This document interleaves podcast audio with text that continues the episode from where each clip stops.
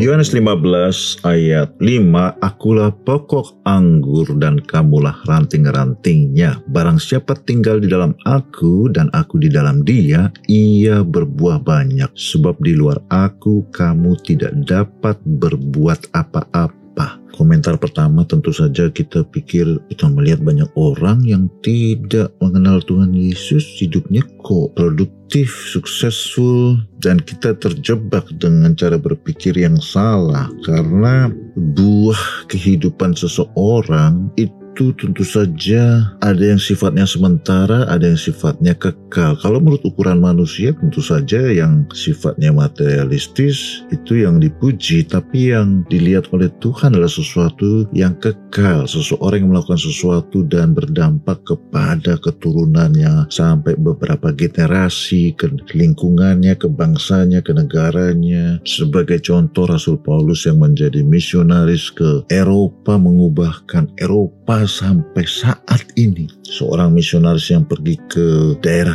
terbelakang dan mengubahkan seluruh wilayah itu dari keterbelakangan menjadi suku kaum bangsa yang bertumbuh dan semakin maju. Bukan hanya secara material tetapi secara rohani. Itu buah-buah yang dimaksudkan Tuhan. Buah-buah yang berdampak berkelanjutan dan kekal. Tentu saja orang bisa memilih untuk menghasilkan buah-buah yang sifatnya hanya sementara dan sebentar hilang.